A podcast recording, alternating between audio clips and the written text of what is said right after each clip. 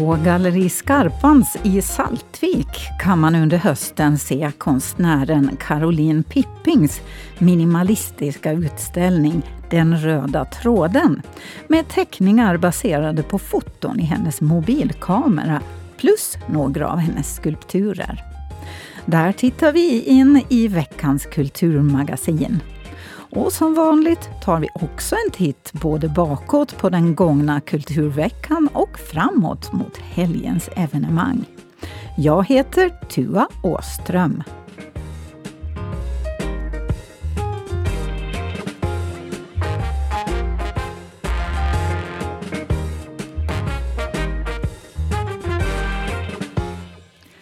Kulturveckan började med nyheten att Jonas Love Danielsson valts till ny ordförande för Teater Alandica efter att Robert Livendal efter Hufvudstadsbladets granskning valde att avgå. Detta meddelades ungefär samtidigt som inspelningen av långfilmen om Stormskärs-Maja körde igång och Östra utfarten spärrades av för trafik under måndagsförmiddagen. Ja, men jag har varit, jag har varit och eh, kikat lite grann. Vi fick nog snällt smyga en liten bit bort också eftersom som, um, Ålands Radio var ju inte med i bilden då när, när den här eh, historien utspelar sig så vi tänkte det är dumt om vi råkar höras, höras i filmen. Men, eh, men, men känslan är god kan vi säga.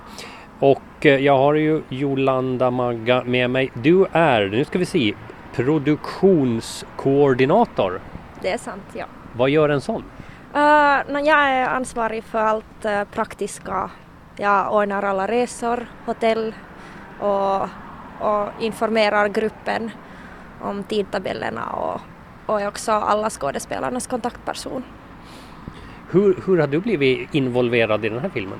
Uh, no, det är nog mest därför för att jag är svenskspråkig och det finns inte så många svenskspråkiga uh, inom den här branschen på fastlandet. Så, så ja, uh, och sen Tobias Siliakus, så han rekommenderade mig och tipsade om den här filmen. Att den ska spelas in här på Åland, så det var lite tack vare honom jag slapp med. Hur mycket jobb hade varit då för att komma igång?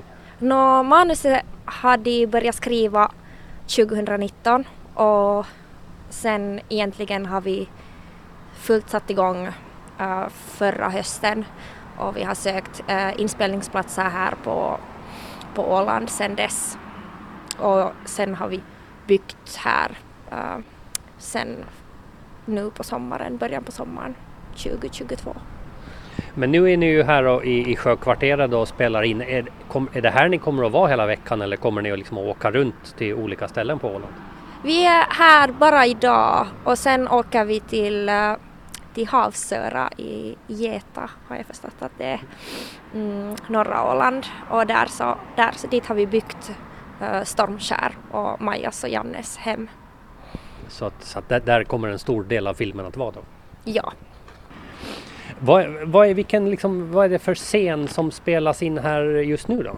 Nu spelar vi in scenen där uh, Maja och Janne bygger deras större båt Galeasen så att de ska kunna vara mer självständiga och, och fortsätta deras äh, fisk, fiskande och vara liksom, ja, så vi filmar in den. Och vi, vi är ju jättetacksamma att här var nu för att det skulle ha varit ett stort jobb för oss att, att bygga själva en så här stor äh, båt. Så det var fint att Emilia var färdigt för oss så vi kunde bara komma, komma på plats. Vi har ju eh, en, en hyggligt blåsig dag idag. Hur, hur väl passar det in med, med scenen? Ja, vi har måste planera om lite resten av dagen. Vi ska ju fara ut och segla här på eftermiddagen. Så, så vi måste planera lite om. Det är ju ganska blåsigt idag men, men vi har fått det fixat. Det sa Jolanda Magga som intervjuades av Peter Grönholm. Vi fick också en pratstund med regissören Tina Lymi som svarade så här på språkfrågan alla undrar över. Ja, de har jobbat med dialekten och de gör sitt bäst. Men den här är inte dokumentär om åländska livet på 1800-talet. Den här är en långfilm och det är en annan sak. Det är en, hur ska man säga, ehm, det är inte en dokument och inte bara för åländska människor. Många har ju läst Annie Blomqvists böcker och många har sett den tidigare filmatiseringen. Hur mycket kommer man att känna igen i din version av, av berättelsen? Mm, jag tänker att jag har respekterat Annie Blomqvists äh, böcker. Um, den här är min version av den här och jag måste säga att den, den äh, filmatisering som Åke Lindman gjorde på eh, uh, 70-talet, den var inte filmatisering, det var TV-serien. Den är helt annorlunda saken. Den här är en långfilm. Och uh, den, den filmen gäller Maja. Hon är, hon är viktig. Alltid när man gör filmen eller, eller skriver ett bok, bok eller vad som helst konst man gör. Uh, jag tänker att det, det, är så att du har en ämne som du vill berätta om eller studera. Alltså Åland och Stormskärs-Maja är en um, frame of reference, en inramad, ja just det, för, för någonting, för den här ämnen, för den här kvintessensen. Det sa regissören Tina Lymi som intervjuades av Felicia Bredenberg. Och som ni hörde kommer filmen troligen att tackla Stormstjärt-Majas liv på ett helt annat sätt än tv-serien från 70-talet. Och huvudrollerna spelas alltså av svenska skådespelarna Amanda Jansson och Linus Troedsson. Men alla barnroller spelas av åländska barn. Den här veckan uppmärksammar organisationen Rädda Barnen Stopp min kropp-veckan. Svenska Rädda Barnen har även gjort en låt för kampanjen med musik skriven av ålänningen Staffan Lindström mer känd under artistnamnet Bromander. Och då hade de väldigt olika artister i åtanke. Mm, jag tror det var First Aid Kit bland annat och sådär. Eh, men det var ingen som kunde och då, eh, då är det så turligt att Åsa Kashin är min sambos mamma. Så eh, då så bara satt vi och, eh, nere på Österlen och så, och så jammade jag lite till dem till hennes ord som hon hade skrivit till det här konceptet. Och så spelade vi in det på, en, på min telefon. Och sen så bara på vinst och förlust så, så skickade vi det till Rädda Barnen. Och, och, det var tyst ganska länge kring det. Men sen så plötsligt så började det hända någonting och så tyckte de om det och så blev det fler människor som kopplades på och eh, till sist så blev det en inspelad låt. Så jag, det var ju verkligen ett bananskal för mig. Men så är det ju med väldigt mycket i livet. jag hade aldrig skrivit en barnlåt förut eh, och jag hade bara, jag har alltid tyckt om de här gamla Jojje Wadenius-låtarna, eh, Kalle och trädet och sådär. Eh, och jag hade bara någon bild av att jag ville göra någonting i stil med det. Och jag tror att den liksom viben så var, kändes passande tror jag för, för det här konceptet. Det sa Staffan Lindström. Texten är skriven av Åsa Karsin och låten framförs av Stopp min kropp-kören och Janko. Om drygt en månad, den 20 november, är det premiär för musikteatern Barnasinne på Stadshuset. Projektet är ett samarbete mellan Teaterföreningen i Mariehamn och Kulturföreningen Katrina och en del av firandet av Åland 100. Det är en föreställning för barn, med barn på scenen och där barn också varit med och skapat föreställningen. Regissör, manusförfattare och producent är Eva Sjöblom. Den är mycket, mycket lärorik. Det är väldigt, väldigt många olika scener. Det är dramatiska scener om telefoncentralen i Godby där Ingeborg satt och, och telefoncentralen blir beskjuten. Och det har vi med. Vi har militärer som patrullerar i, i vad heter det, ja, vid Lindalen, eh, Esplanaden. Eh, 1918. Och vi, ja, det är många dramatiska händelser men även roliga och positiva händelser som är med. Men att man får uppleva det här med alla sina sinnen, det är det som är, är liksom grejen med det, känner jag. Som statist ska jag vara typ tysk soldat. Jag ska vara eh, Katarina Stenbock som sagt. Jag ska vara lärarinna. Julius Sundblom jag spelar Johannes Eriksson och eh, Karl Björkman. Spöket Metta. Uh, eh, och Runar Mattsson. och vad heter hon igen? Tarja Hallonen. Och Barnasinne har premiär 20 november i Stadshuset i Mariehamn. Därefter spelas den i Kyrkby högstadieskola den 24 november och i Källbo skola den 25. Och nu ska vi till Jomala bibliotek där Ulrika Kjellsen är månadens konstnär. Fram till 4 november kan man se utställningen som är en hyllning till kor i alla former. En del eh, är väldigt stora, det vill säga framförallt en. Henne har vi träffat tidigare, hon har stått i Stadshusbacken, den här kossan. Och hon är, man vill gå fram och smeka henne över mulen för man vet hur den känns på en levande sko. Det här är lite annorlunda för det här är gjort av järn. Och på väggen så hänger det sen andra kor som ser ut som de precis just skulle ha blivit utsläppta ur laggården på våren. De kommer liksom ut galopperande och skuttande. Och ja, precis så där som jag kommer ihåg det från när jag var barn och det faktiskt eh, var vanligt med kossor i alla små gårdar på landsbygden. Sen har vi en kalv och sen har vi några modeller och så har vi faktiskt en, en tupp, eller vad det nu är. Men i alla fall så sover den. Nej, det är ingen tupp, det är en katt som har en tupp, tupplur. Eh, och utställningen den heter ju alltså Kor. Ulrika Kjellsten, vad är det hos kossan som är så intressant för dig? Men det är kossans form. För jag tycker kor har en så fantastisk form hur den både kan vara så massiv eh, och så kantig och så rund samtidigt. Och så kan de ha, som till exempel de här, just de här biffkorna som jag är granne med i min studio. Så de är, massiva men så har de ändå rätt så förhållandevis korta ben. Och jag tycker det är så fantastiskt hur, alltså hur de men, ens kan existera egentligen med så mycket vikt på så korta ben. Men jag tycker jag, jag älskar kors form. Det är det jag hoppas med som mitt sätt att, eh, att, att, jag menar att, att, att skulptera med de här stållinjerna. Att det ska vara tillräckligt mycket linjer för att eh, uttrycka, nu i det här fallet kons form och rörelse och massa men, men inte så mycket mera utan, utan folk är ganska bra på att fylla in resten med sin egen fantasi. Och just den här kon faktiskt, så den het, det här verket heter ju Min mormors ko. Och det var ju, eh, det, den här kon var en gåva till min mormor att, som hade en ko när hon växte upp i Ämnes som hette Duva.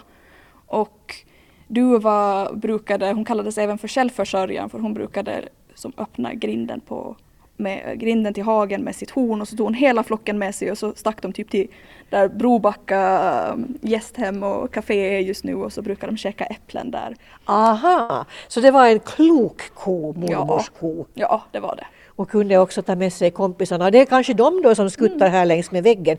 Och det är ju så här endimensionella saker det. Men, men de blir ju inte riktigt endimensionella när de här skuggorna från ljussättningen eh, gör att de ser ut som de skulle vara, inte lika frodiga som mormors ko men, men i alla fall eh, får de liksom en, en nästintill tredimensionell känsla. Jo, nej men det var det.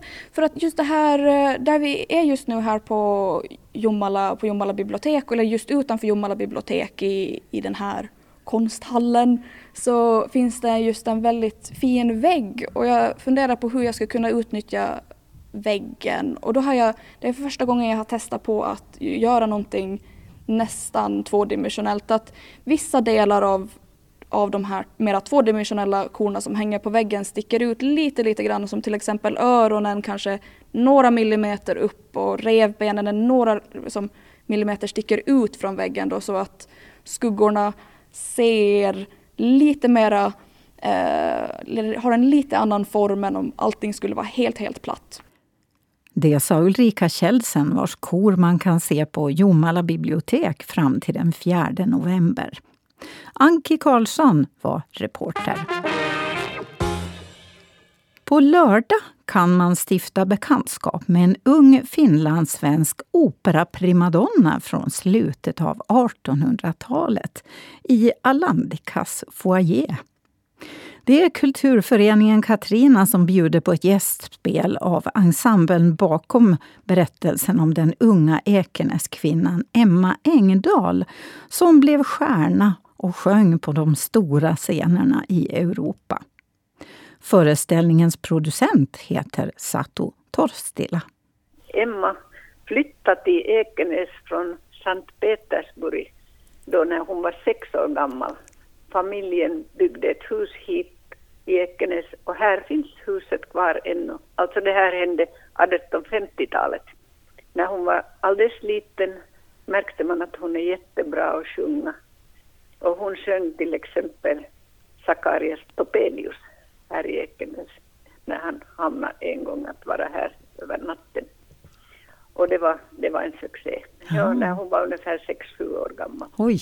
Men, men hand, handlar den här föreställningen då om, om den, den, riktigt unga Emma Engdahl eller den Emma Engdahl som sen gjorde storartad karriär?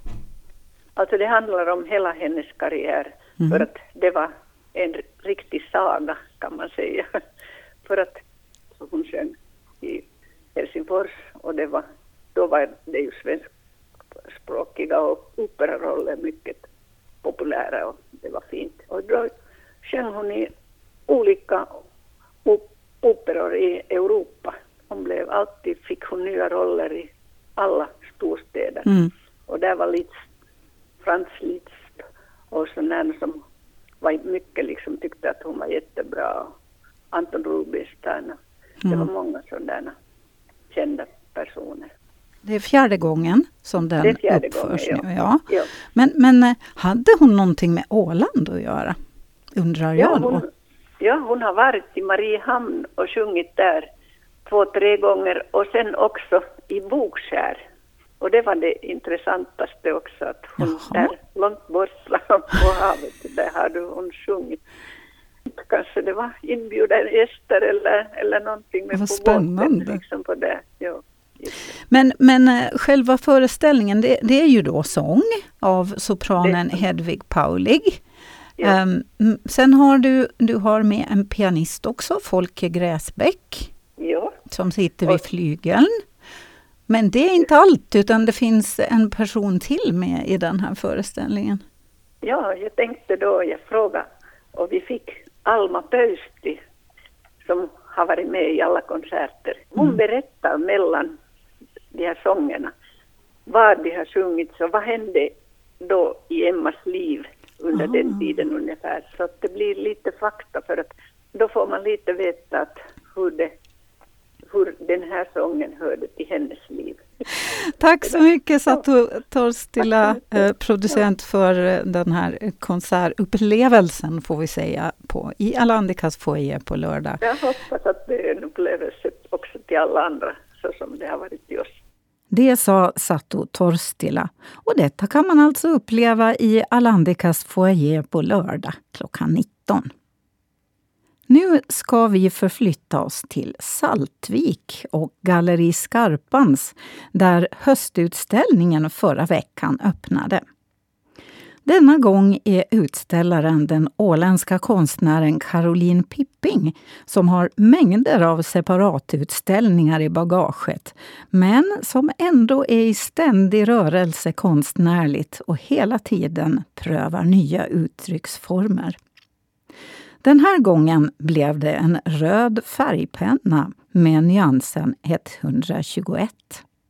I utställningen som heter Den röda tråden, Time Revisited.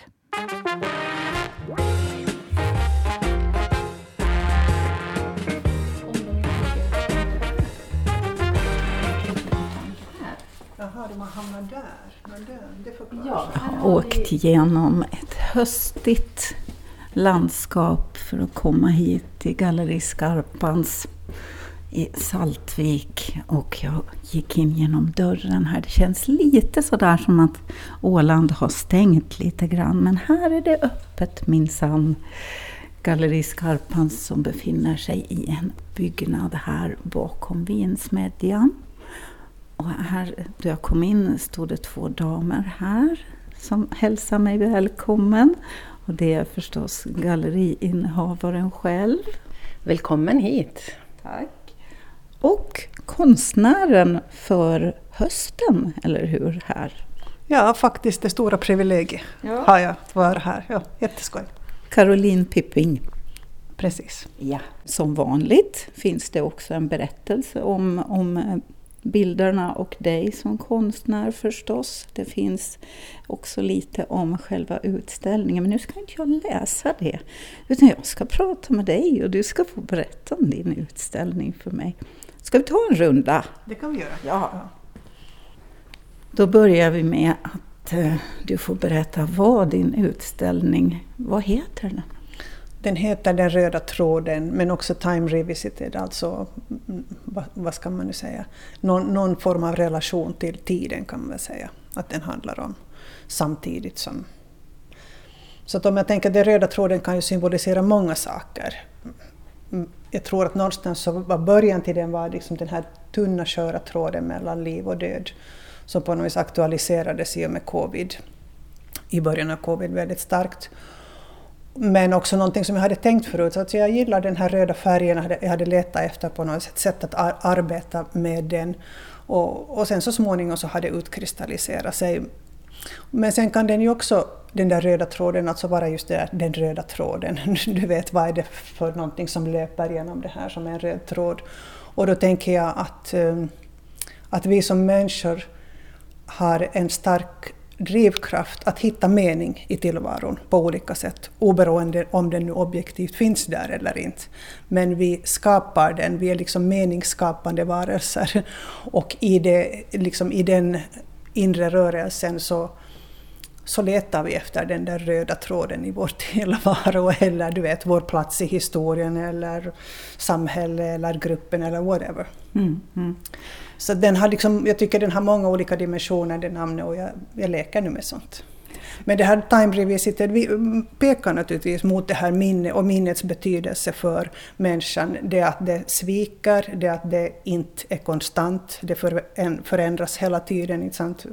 Varje gång vi minns någonting så kanske vi lägger till lite eller så. Som min farmor brukar berätta historier från släkten och, och och ja, hon bredde på ganska bra, för det blev ju roliga historier. Mm.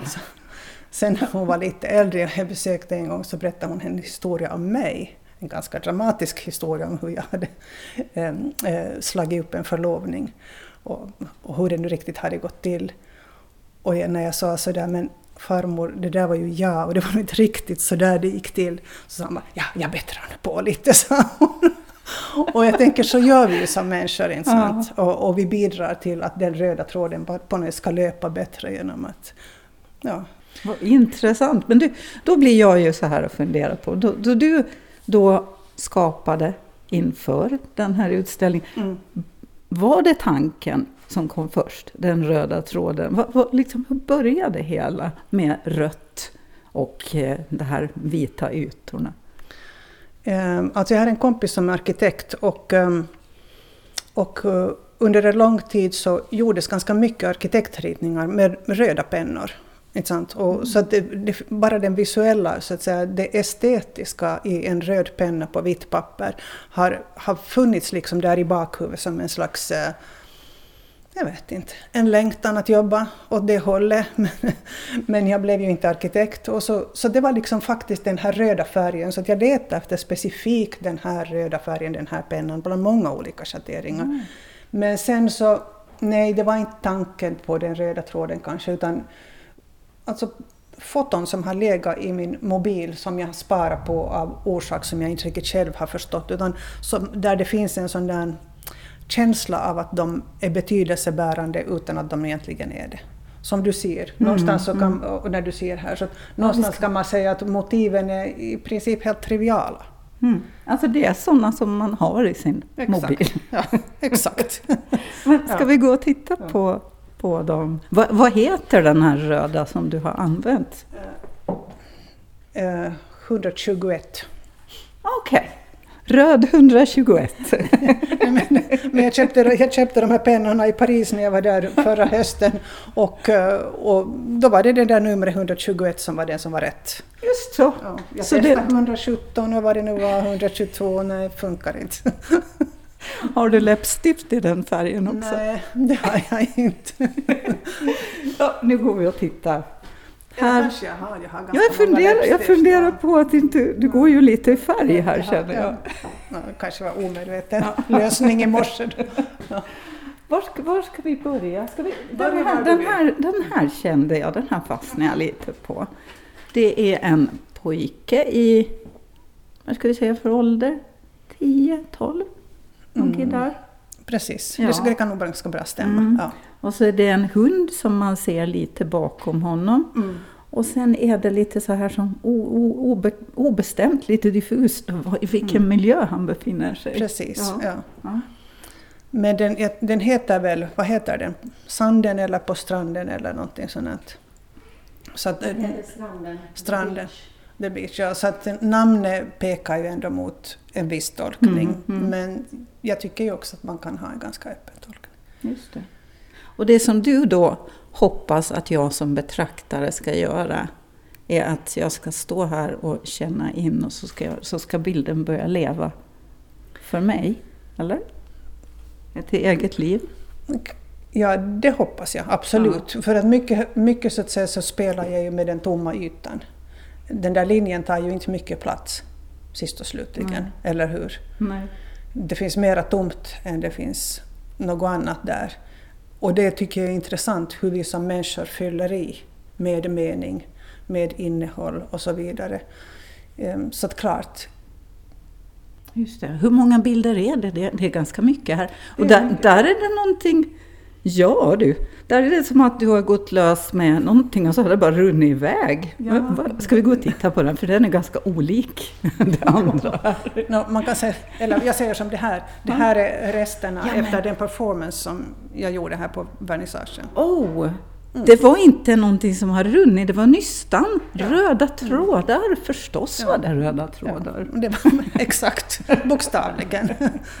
Hur, hur, gjorde du det där då? Ja, no, det är ju det som att det är lite hemligt. Aha. För att eh, performance är ju någonting som på något vis, man måste ju se den, man ja, måste ju uppleva den. Det är ja. en väldigt här och nu upplevelse.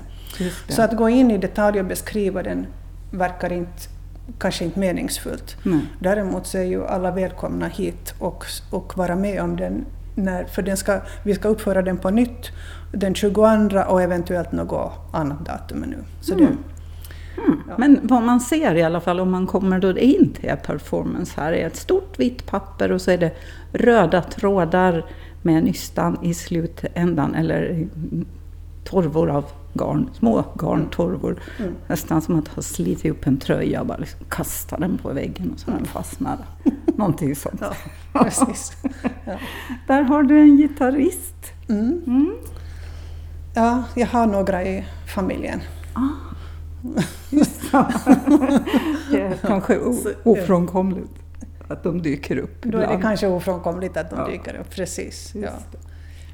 Här har vi mera, mera personer, figurer. Här har vi en... Är det ett lamm eller ett rådjurskid? Det är nog rådjurs, just någon sån här ja. viltdjur snarare än ett lamm. Men det kunde ju vara ett lamm. Ett långörat ja, lamm. Precis. Ja, smalt. Ja. Och sen en hund. De går mm. lite in i varandra.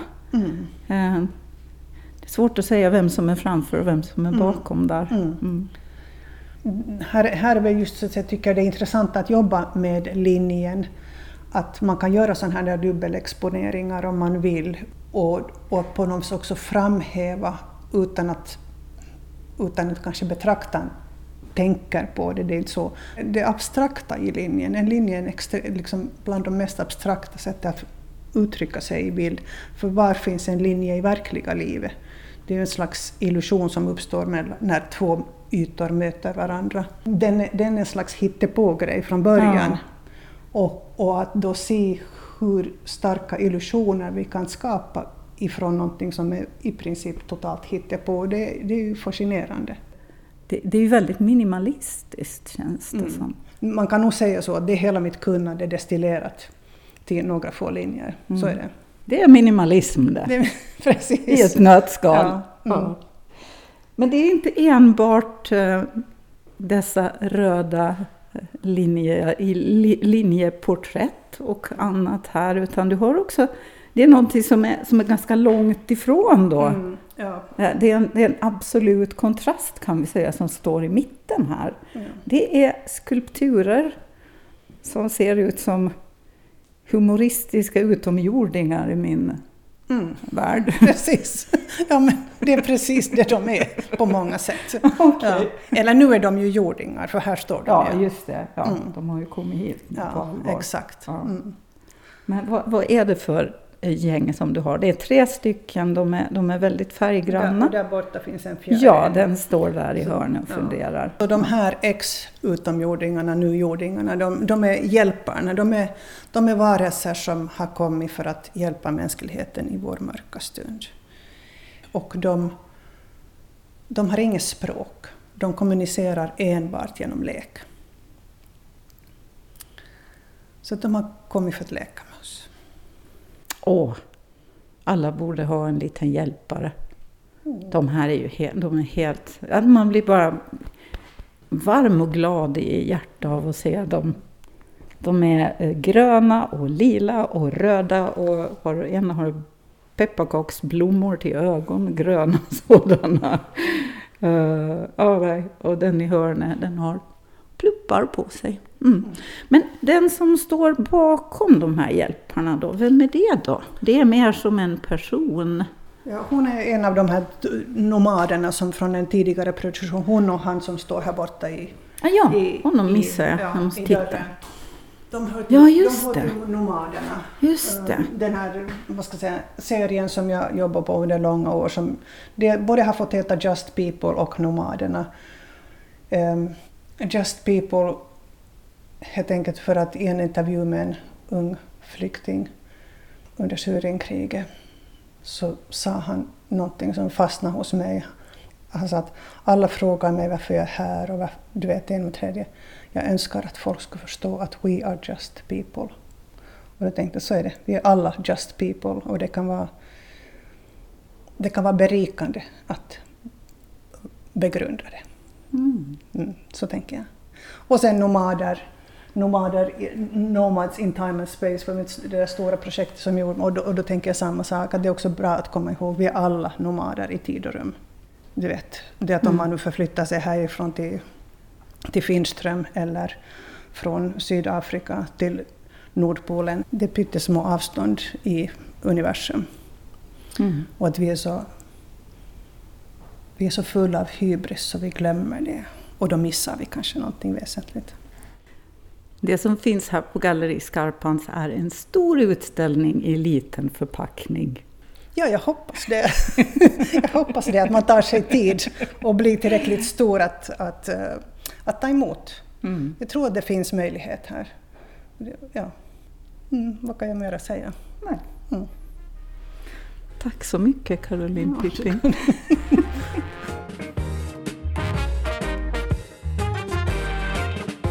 Då ska vi se vad man i övrigt kan ta sig för i helgen då. Ja, det är ju ett flertal utställningar på gång som vi har berättat om tidigare. Till exempel Ulrika Kjellsens kossor på Jomalabibblan, förutom den här på Galleri Skarpans. Och så en konsertföreställning i Alandikas foyer då imorgon klockan 19. Och inte att förglömma söndagens temaguidning på Kulturhistoriska som handlar om Åland under ryska tiden 1809 till 1917. Och nästa vecka händer det också en hel del spännande grejer, men de återkommer vi till i våra vanliga program. Ha nu en riktigt skön helg!